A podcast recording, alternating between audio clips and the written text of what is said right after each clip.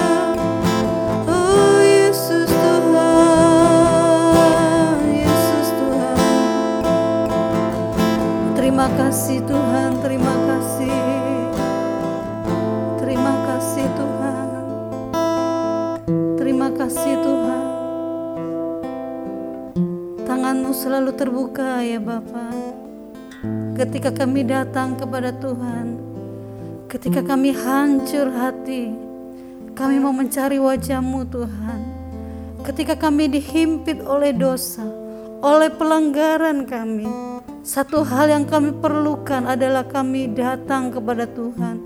Kami perlu pengampunan Tuhan. Itu yang membebaskan kami. Tuhan, kami mau datang padamu Tuhan. Karena Engkau tidak pernah memandang Tuhan Engkau tidak pernah memandang hina hati yang hancur, tapi Engkau menanti-nantikan kami untuk datang kepada Tuhan, untuk kami dibebaskan. Terima kasih Tuhan. Sungguh besar kasih setiamu, sungguh besar kasih pengampunanmu Tuhan.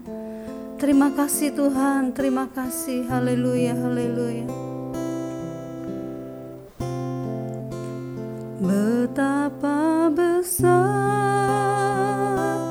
kasih pengampunanmu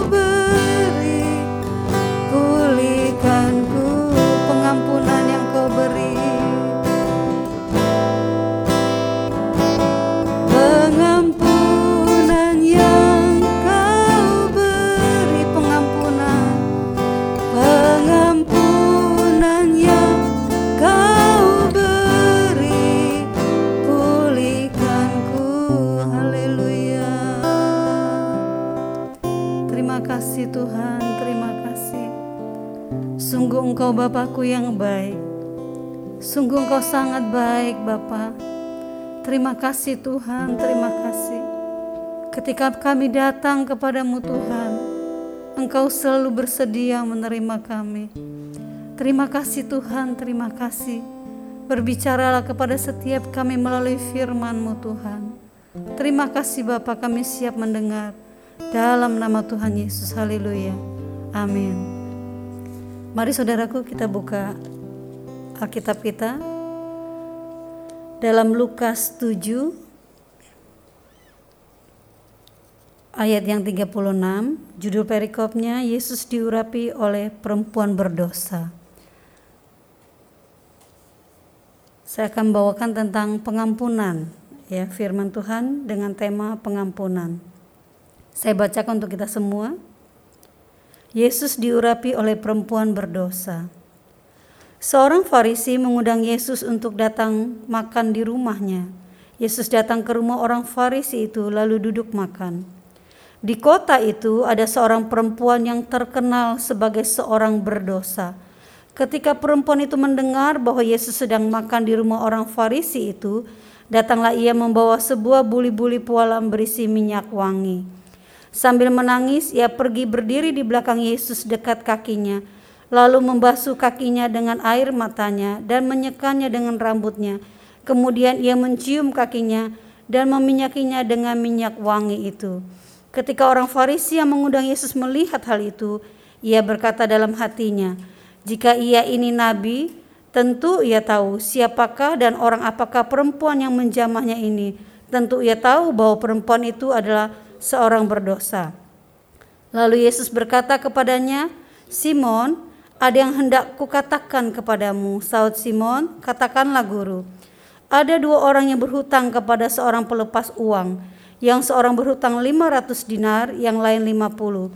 Karena mereka tidak sanggup membayar, maka yang menghapuskan hutang kedua orang itu. Siapakah di antara mereka yang akan terlebih mengasihi dia? Jawab Simon, aku kira dia yang paling banyak dihapuskan hutangnya. Kata Yesus kepadanya, "Betul pendapatmu itu." Dan sambil berpaling kepada perempuan itu, ia berkata kepada Simon, "Engkau lihat perempuan ini? Aku masuk ke rumahmu, namun engkau tidak memberikan aku air untuk membasuh kakiku, tetapi ia membasuh kakiku dengan air mata dan menyekanya dengan rambutnya. Engkau tidak mencium aku, tetapi sejak aku masuk, ia tiada henti-hentinya mencium kakiku. Engkau tidak meminyaki kepalaku dengan minyak, tetapi ia meminyaki kakiku dengan minyak wangi. Sebab itu aku berkata kepadamu, dosanya yang banyak itu telah diampuni, sebab ia telah banyak berbuat kasih. Tetapi orang yang sedikit mengampuni, sedikit juga ia berbuat kasih. Sampai di situ. Oke. Kita tentu tahu cerita ini, ini tidak asing lagi cerita ini. Nah, Bapak Ibu Saudaraku, terutama kaum muda, yang menjadi fokus saya adalah ayat yang ke 47 Sebab itu aku berkata kepadamu dosanya yang banyak itu telah diampuni sebab ia telah banyak berbuat kasih tetapi orang yang sedikit mengampuni sedikit juga ia berbuat kasih kita sudah baca dari tadi bahwa perempuan yang datang ini perempuan yang sangat terkenal ya terkenal sekali. Ayat 37 dikatakan di kota itu ada seorang perempuan yang terkenal, terkenal sebagai seorang berdosa. Jadi kalau kita mau asumsikan ya dengan kehidupan kita saat ini di Ciledug ini perempuan ini nih sangat terkenal. Jadi dari anak kecil sampai orang tua tahu siapa perempuan ini ya. Tadi kita baca dikatakan bahwa perempuan ini terkenal sebagai seorang berdosa. Nah, ini uh, diumpamakan, disamakan dengan perempuan sundal perempuan ini ya. Nah, kita lihat apa yang dilakukannya kepada Tuhan Yesus tadi. Tuhan Yesus memberikan perumpamaan yang sangat baik sekali ya. Tadi saya sudah bacakan ayatnya bahwa dikatakan di ayat 47 dosa perempuan ini nih sangat banyak ya. Kalau kita perhatikan Tuhan berkata kepada Simon dosanya yang banyak itu telah diampuni ya. Jadi semua orang tahu bahwa perempuan ini melakukan dosa yang begitu banyak tapi ketika dia datang kepada Tuhan Yesus saya percaya perempuan ini bisa melakukan hal yang begitu luar biasa ini karena penyesalan yang sangat dalam dalam hatinya ya. Sehingga Tuhan memberi statement bahwa dosanya yang banyak itu telah diampuni dan Tuhan Yesus berkuasa mengampuni dosa ya. Sebab ia telah banyak berbuat kasih. Nah, kita perhatikan bagian B-nya. Tuhan Yesus berkata, "Tetapi orang yang sedikit diampuni, sedikit diampuni, sedikit juga ia berbuat kasih." ya Bapak Ibu Saudaraku terutama kaum muda kita tahu dalam kehidupan sehari-hari tidak jarang kita menemukan bahwa ketika seseorang kedapatan melakukan dosa, melakukan kesalahan, banyak orang menunjuk dengan begitu berani. Kita ingat juga cerita perempuan yang kedapatan berzina ya. Semua orang yang ada di tempat itu di TKP semua mengambil batu hendak melempari perempuan ini. Tapi ketika Tuhan Yesus hadir, Tuhan Yesus berkata kepada perempuan itu, Aku pun tidak menghukum engkau. Coba ya. Tuhan Yesus sendiri berkata, Aku pun tidak menghukum engkau. Tuhan berkata, pergilah. Ya, Tuhan Yesus tidak menghukum. Karena perempuan ini sudah sangat terhukum. Namun sayangnya dalam kehidupan, kehidupan kita sehari-hari, Orang sering menunjuk pada kesalahan orang lain dengan begitu beraninya. Mengapa hal itu bisa terjadi? Setelah kita membaca ayat tadi, saya menarik beberapa kesimpulan. Mengapa orang begitu berani menunjuk pada dosa atau kesalahan orang lain? Yang pertama, bisa jadi karena orang itu merasa dia tidak pernah melakukan kesalahan atau dosa, dia begitu sempurna. Jadi matanya, cara pandangnya, perspektifnya adalah orang lain itu selalu melakukan kesalahan, selalu berbuat dosa. Jadi dia memandang dirinya begitu sempurna, tidak pernah melakukan kesalahan. Yang kedua, bisa jadi orang ini tidak pernah menyadari tadi ya, dia orang paling benar sehingga dia tidak menyadari bahwa dia pun melakukan kesalahan melakukan dosa. Dia tidak pernah datang kepada Tuhan karena dia merasa dia tidak perlu diampuni, memandang dirinya selalu benar.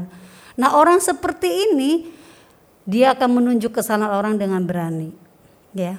Kita lihat perempuan tadi karena dia mengerti, menyadari betapa berdosanya dia, betapa banyaknya kesalahannya, dosa-dosanya, betapa terkenalnya dia, dia datang kepada Tuhan, ya dengan rendah hati.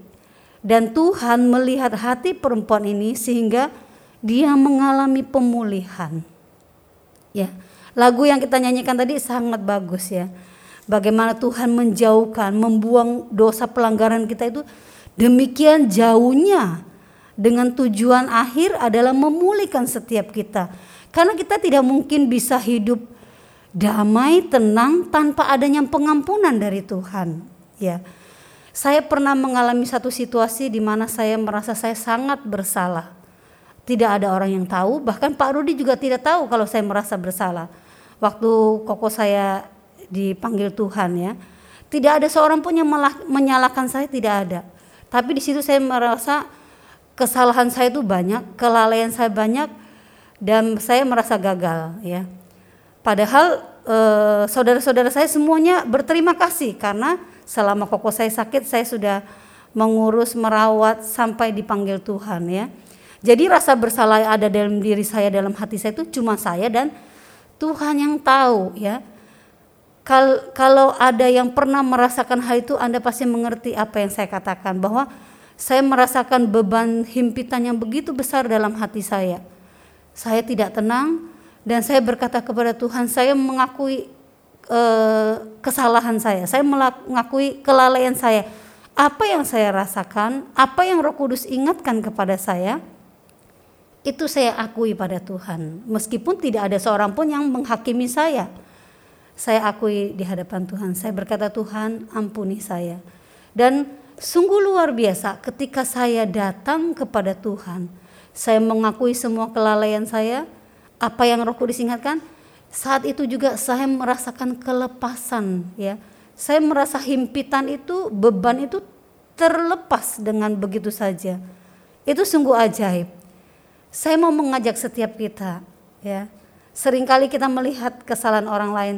Kalau kita mengingat kesalahan kita, saya diingatkan betapa Tuhan mengampuni saya begitu luar biasa.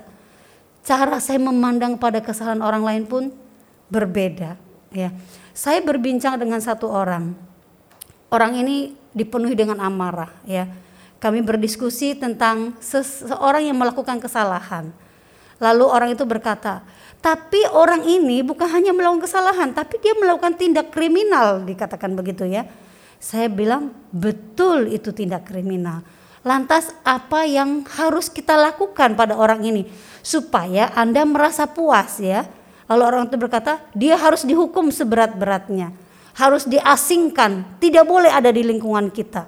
Seringkali kita berkata demikian, meskipun tidak terucap dalam mulut kita, tapi dalam hati kita kita sering berkata, kalau ada dia, saya tidak mau datang. Kalau ada dia di kulus, saya tidak akan datang. Ya, jadi saya akui mengampuni kesalahan pelanggaran orang itu tidak mudah, tidak mudah. Itu bukan pekerjaan mudah, bukan perkara mudah. Tapi ketika kita melihat betapa kita melakukan kesalahan begitu besar, saat itu kita bisa memaklumi kesalahan orang lain. Saya berkata, kalau kita menghukum orang seberat-beratnya, apa yang kita dapatkan? Dia akan pergi, kita kehilangan dia, dia luka hati, dan belum tentu kapan dia akan pulih. Bukankah lebih baik kita mengampuni? Amin. Kalau kita melihat kita kita pun bukan orang sempurna ya. Saya berharap kita ketika kita melihat kesalahan kita, dosa kita yang begitu banyak yang tidak diketahui orang lain, hanya kita dan Tuhan yang mengetahuinya. Kita memandang orang lain pun dengan hati yang bisa mengampuni. Tuhan Yesus berkata tentang perempuan ini. Tuhan mengatakan kepada Simon bahwa orang yang sedikit mengampuni, sedikit ia sedikit juga ia berbuat kasih. Perempuan yang sudah diampuni Tuhan tadi, saya percaya dia tahu betapa mahalnya pengampunan dari Tuhan itu sehingga dia akan mudah mengampuni orang lain. Dia akan melakukan perbuatan kasih lebih banyak lagi. Ya Bapak Ibu, Saudaraku, kaum muda perhatikan hal ini. Mungkin banyak dari kita kecewa. Ya, kita hidup tidak akan lepas dari rasa kecewa. Tapi mari kita belajar untuk mengampuni.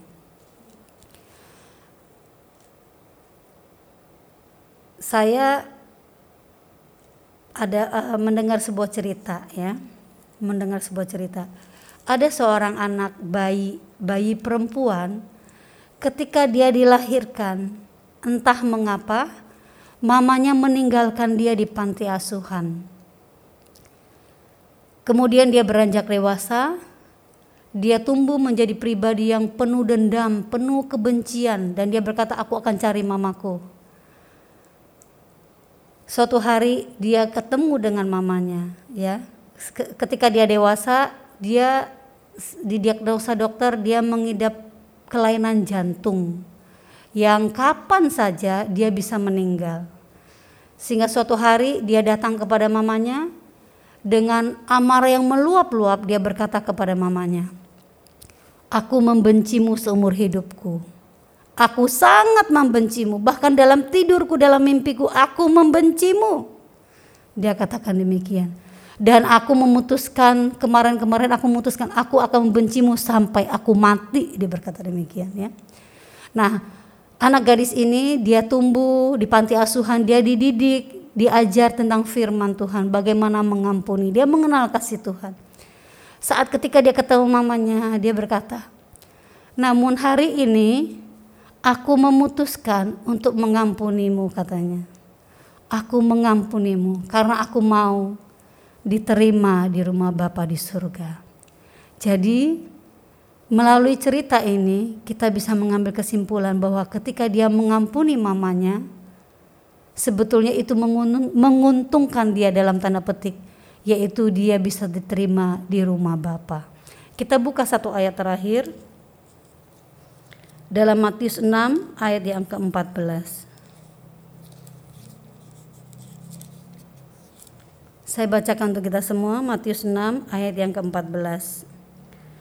Karena jikalau kamu mengampuni kesalahan orang, Bapamu yang di sorga akan mengampuni kamu juga.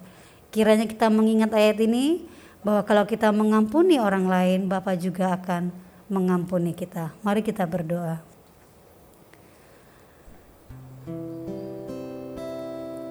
Bapa di surga, terima kasih Tuhan. Sungguh kami bangga. Sungguh kami sangat bersyukur kami mempunyai Engkau Bapa, Bapa yang luar biasa. Yang tidak pernah mengingat kesalahan kami, tidak pernah mengingat dosa kami. Kami sungguh bersyukur Bapa, setiap kali kami melakukan pelanggaran, kami datang kepada Tuhan dan kami mendapatkan pengampunan, kami mendapatkan kelegaan, kami mendapatkan pemulihan, Terima kasih Tuhan untuk kasih-Mu yang besar yang memulihkan hati kami yang terluka.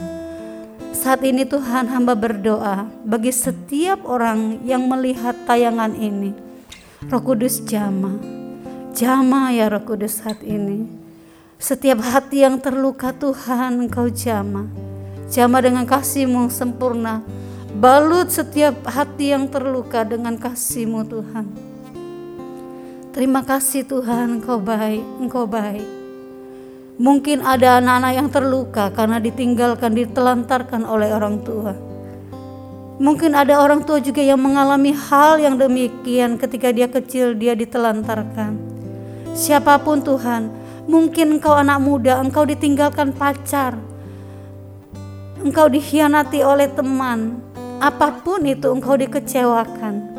Mari saat ini datang kepada Tuhan kalau kemarin-kemarin kau tidak sanggup mengampuni saat ini minta kekuatan dari roh kudus. Kalau ada niat dalam hatimu untuk mengampuni Tuhan akan kasih kemampuan. Tuhan akan beri kesanggupan untuk mengampuni. Sani roh kudus jamang kau lawat setiap hati. Beri kekuatan, beri kemampuan untuk mengampuni. Katakan saat ini Tuhan, dengan kekuatanmu aku mengampuni dia. Aku mengampuni dia Tuhan. Aku tidak mengingat-ingat pelanggarannya, aku tidak mengingat-ingat dosanya. Siapa pun dia saat ini aku mengampuni Tuhan.